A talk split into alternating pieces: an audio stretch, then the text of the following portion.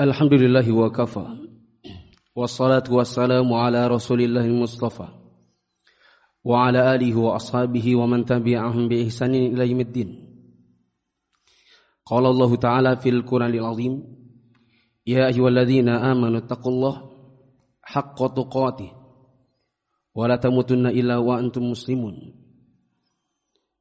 فإن أصدق الحديث كتاب الله وخير الهدي هدي محمد صلى الله عليه وسلم وشر الأمور محدثاتها فإن كل محدثة بدعة وكل بدعة ضلالة وكل ضلالة في النار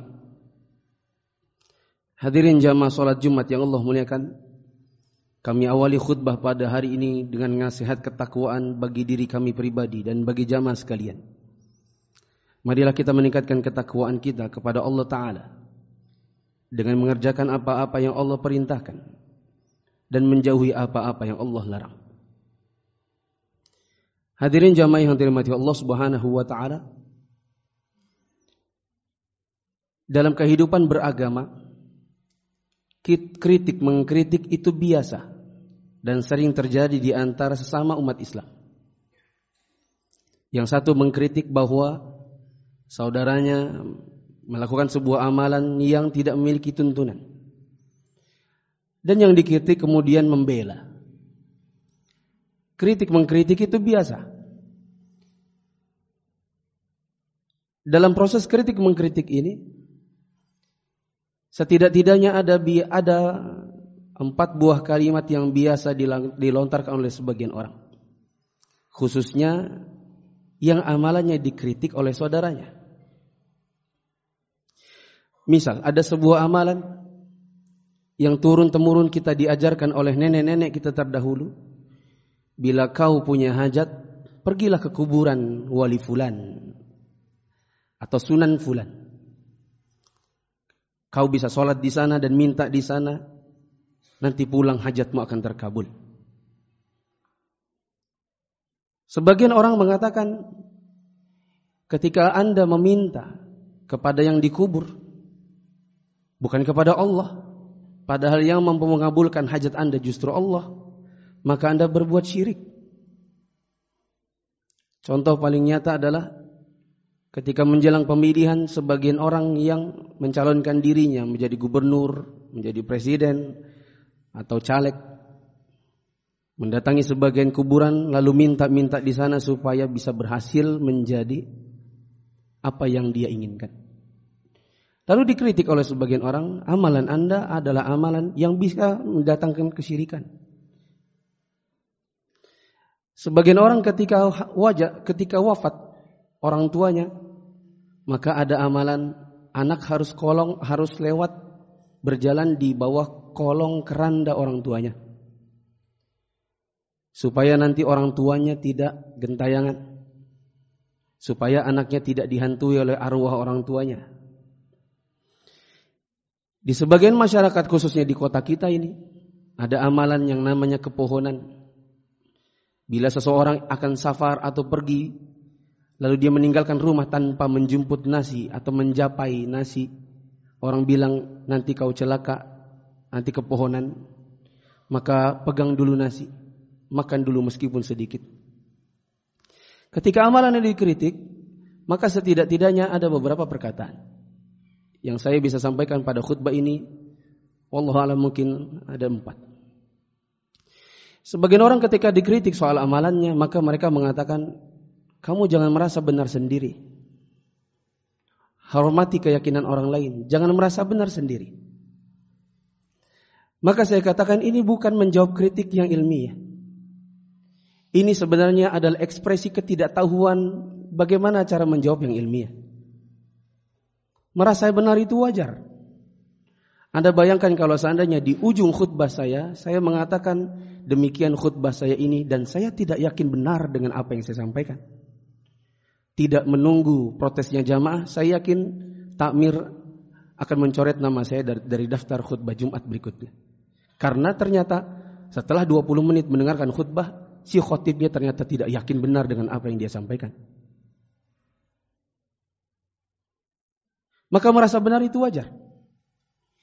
Yang penting keyakinan Anda betul-betul Anda bangun di atas ilmu. Bila Anda berbicara dalam konteks agama, maka ilmu itu hanya dua.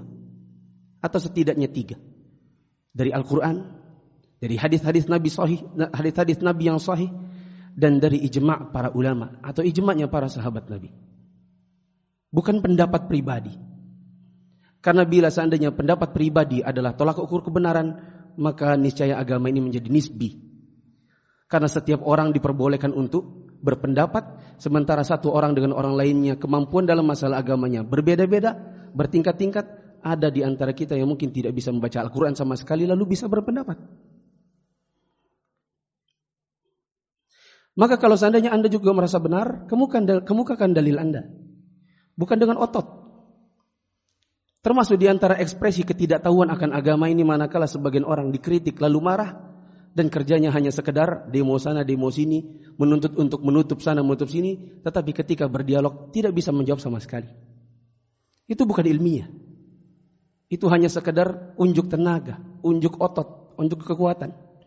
Dan di dalam agama kita itu bukan sebagai tolak ukurnya. Sebagian orang ada yang mengatakan, sudahlah Jangan meributkan masalah khilafiyah. Ini perkataan yang di sebagian orang awam yang tidak memiliki baju ormas tertentu, tidak memiliki baju partai tertentu, pokoknya betul-betul awam ketika dikatakan sudahlah, jangan meributkan masalah khilafiyah, maka orang-orang awam hanya katakan ya benar juga sih. Padahal bila mereka betul-betul belajar step by step dan sampai pada ilmu mereka mengenal pelajaran usul fikih, maka mereka akan mengetahui bahwasanya khilaf di dalam agama itu ada tiga. Tidak semua khilaf itu ditoleransi, tidak semua juga khilaf tidak boleh toleransi. Tergantung dia terletak pada khilaf yang mana. Ada khilaf yang disebut dengan tanawwu. Di mana setiap dari pendapat semuanya benar. Karena semuanya dari Nabi. Misalnya bacaan doa iftitah. Anda mau baca Allahumma ba'idkah? Allah Anda mau baca subhanakallahumma bihamdika? Anda mau baca wajah tu wajahiyah? Selama Anda menghafalnya dari Nabi SAW dan benar-benar semuanya dari Nabi dengan hadis yang sahih, maka itu namanya tanawu. Anda silakan memilih yang mana pun karena semuanya benar. Tidak ada masalah. Ada khilaf yang kedua namanya khilaf tadad mu'tabar. Yaitu satu di antara pendapatnya yang ada itu semuanya itu adalah benar, sedangkan yang lain salah. Tetapi yang salah ditoleransi. Dikarenakan yang dianggap salah pun masih dibangun di atas dalil, meskipun kurang kuat dibandingkan pendapat yang lebih kuat. Misal kunut subuh. Ini adalah pendapat yang ada di ini adalah permasalahan yang diperselisihkan oleh para ulama dari zaman dahulu. Sebagian ulama ada yang mengatakan ini adalah amalan yang sunnah. Sebagian lagi mengatakan tidak sunnah. Seandainya saya mengatakan dan pendapat yang lebih kuat adalah pendapat yang mengatakan kunut subuh tidak sunnah, maka tidaklah melazimi kemudian menganggap sesat yang berkunut subuh. Dikarenakan ini adalah khilaf di antara para ulama dari zaman dahulu yang masing-masing dibangun di atas dalil yang kuat. Taraweh 11 atau 23 yang dari zaman dahulu sering diperdebatkan oleh nenek-nenek kita. Ini termasuk di antara khilaf yang talat mu'tabar. Berselisih, satu di antaranya benar. Dan yang satu keliru.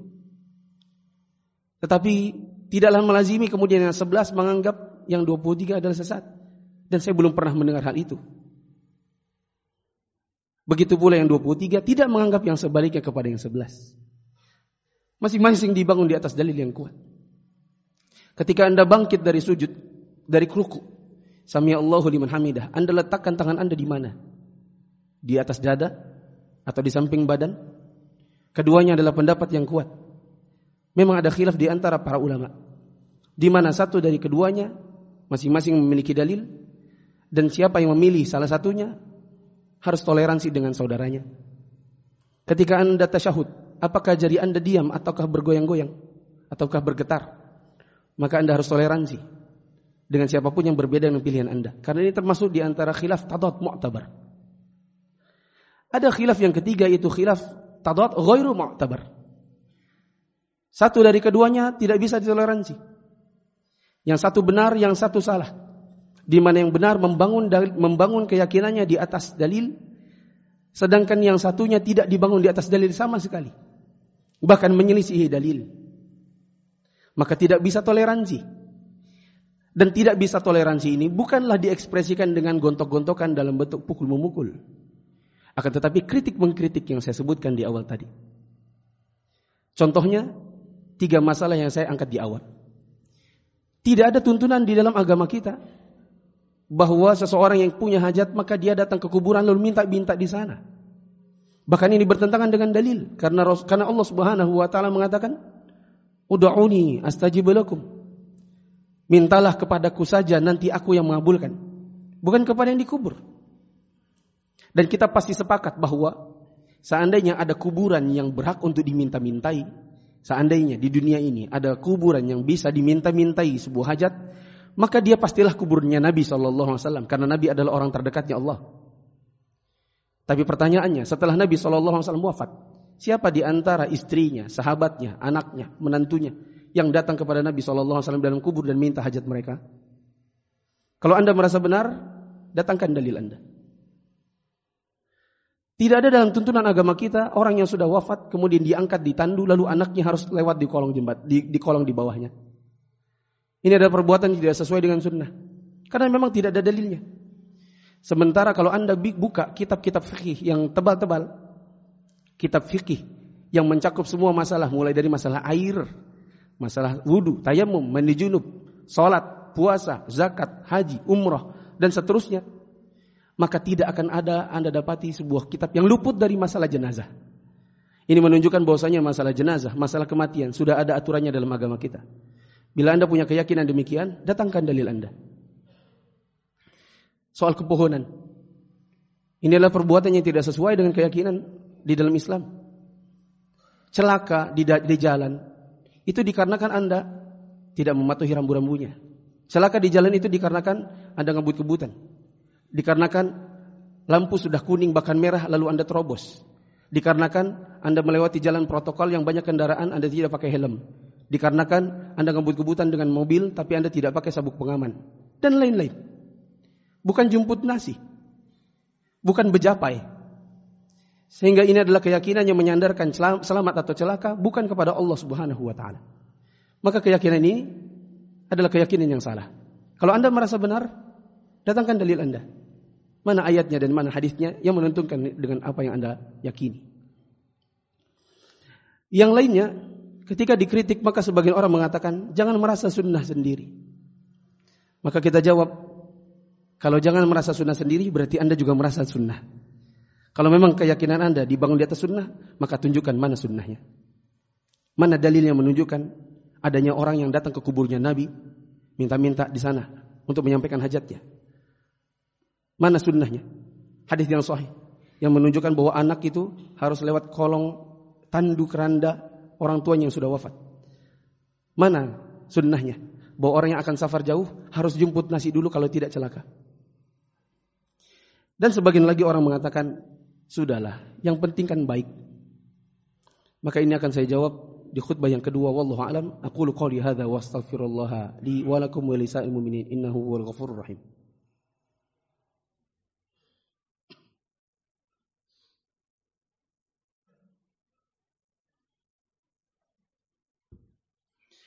Alhamdulillahi wa kafa wa salatu wassalamu ala rasulillahi mustafa wa ala alihi wa ashabihi wa man tabi'ahum bi ihsanin ila yaumiddin. Sudahlah, yang penting kan baik. Maka kita jawab, yang namanya baik itu adalah menurut Allah dan Rasulnya. Bukan menurut individu setiap dari kita. Karena setiap orang penilaian baik atau tidaknya berbeda-beda. Orang yang bodoh, yang jahil, akan menganggap sesuatu itu baik yang tidak dipandang oleh orang yang pandai. Sebagaimana orang, mohon maaf, bukan dalam rangka untuk merendahkan, tapi orang yang berpen, orang yang lulusan SD tidak sama berpikirnya dengan doktor atau profesor. Penilaian mereka terhadap sesuatu itu baik atau tidak berbeda-beda. Dan dalam masalah agama yang namanya baik atau tidak itu adalah menurut Allah dan Rasulnya. Contoh, menurut kita menurut sebagian manusia, apabila seseorang berhutang kepada orang lain, lalu dia berjanji untuk memberikan tambahan sebagai imbalan karena dibantu, dipinjamkan uang, menurut mereka itu nggak apa-apa karena baik. Begitu juga yang meminjamkan uang, Ketika dia mengatakan saya pinjamkan engkau sekian dengan syarat nanti kalau sudah selesai kau lunasi tambahkan sekian karena saya telah berbuat baik. Gak apa-apa kan? Ikhlas, yang penting baik.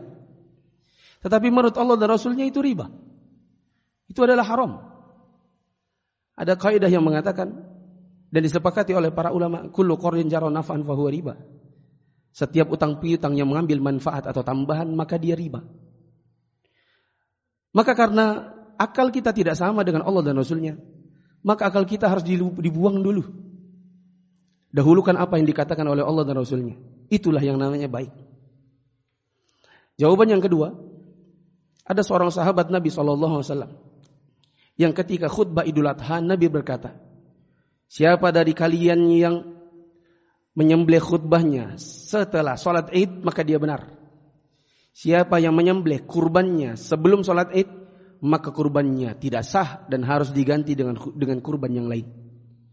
Mendengar perkataan Nabi ini, sahabat yang bernama Abu Burdah bin Niyar berdiri dan berkata, "Ya Rasulullah, tadi aku telah berkurban sebelum sholat Id. Setelah sholat subuh sudah kupotong kambingku dan sudah diolah oleh istriku. Dikarenakan aku berpikir, aku berniat baik. Nanti kalau kita pulang, makananku sudah jadi duluan dan itu bisa dijadikan santapan untuk orang-orang." Niatnya baik. Ah, tapi apa kata Nabi Wasallam? Syatuka syatulaham. Kambingmu cuma dihukumi sebagai kambing biasa, tidak dihukumi sebagai kurban. Karena kan tidak sesuai dengan tuntunan. Di dalam agama ini kurban itu setelah sholat. Dalam riwayat yang lain Nabi SAW mengatakan, kalau begitu ganti kurbanmu dengan kurban yang lain. Abu Burdah minta dispensasi. Ya Rasulullah, aku belum pernah tahu hal ini. Dan kalau sekarang disuruh ganti, masih ada satu ekor kambing lagi, tetapi umurnya tidak cukup.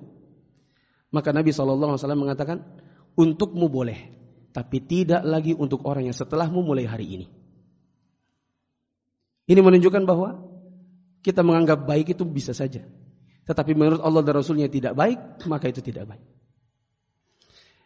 Jamaah yang dirahmati Allah Subhanahu wa taala. Yang terakhir ada orang mengatakan, kau sibuk mengkritik seolah-olah engkau masuk surga sendirian. Kau mengkritik amalan kami seolah-olah kau pasti masuk surga dan mengkafling surga. Maka kita jawab. Sebagian orang yang mengkritik saudaranya, tidaklah bermakna dia pasti masuk surga dan saudaranya pasti masuk neraka. Bahkan kalaupun seandainya dia berkeyakinan dia pasti masuk surga, setidak-tidaknya itu adalah usaha untuk masuk surga sama-sama. Bukankah mengkritik, meluruskan pemahaman sebagian orang supaya orang lain ikut benar, itu artinya mengajak dia kepada kebenaran. Dan kalau seandainya itu adalah pasti surga, maka yuk mari masuk surga sama-sama. Dan kita pasti masuk surga. Dan yang benar, kritik mengkritik itu adalah dibangun di atas ilmu. Dan di mana orang yang mengkritik tidaklah meyakini dan tidak pernah meyakini akan hal itu bahwa dia pasti masuk surga. Di mana teman saudaranya yang dikritik pasti masuk neraka. Yang ada setiap orang diwajibkan oleh Allah dan Rasulnya untuk belajar dan senantiasa memperbaiki diri senantiasa istiqomah sampai akhir hayatnya supaya dia masuk surga. Dan kita dapati ada sebagian orang yang sudah berada di atas tauhid, di atas sunnah, di atas agama yang benar, tetapi tidak istiqomah. Dan di akhir hayatnya dia justru su'ul khotimah dan dia masuk neraka.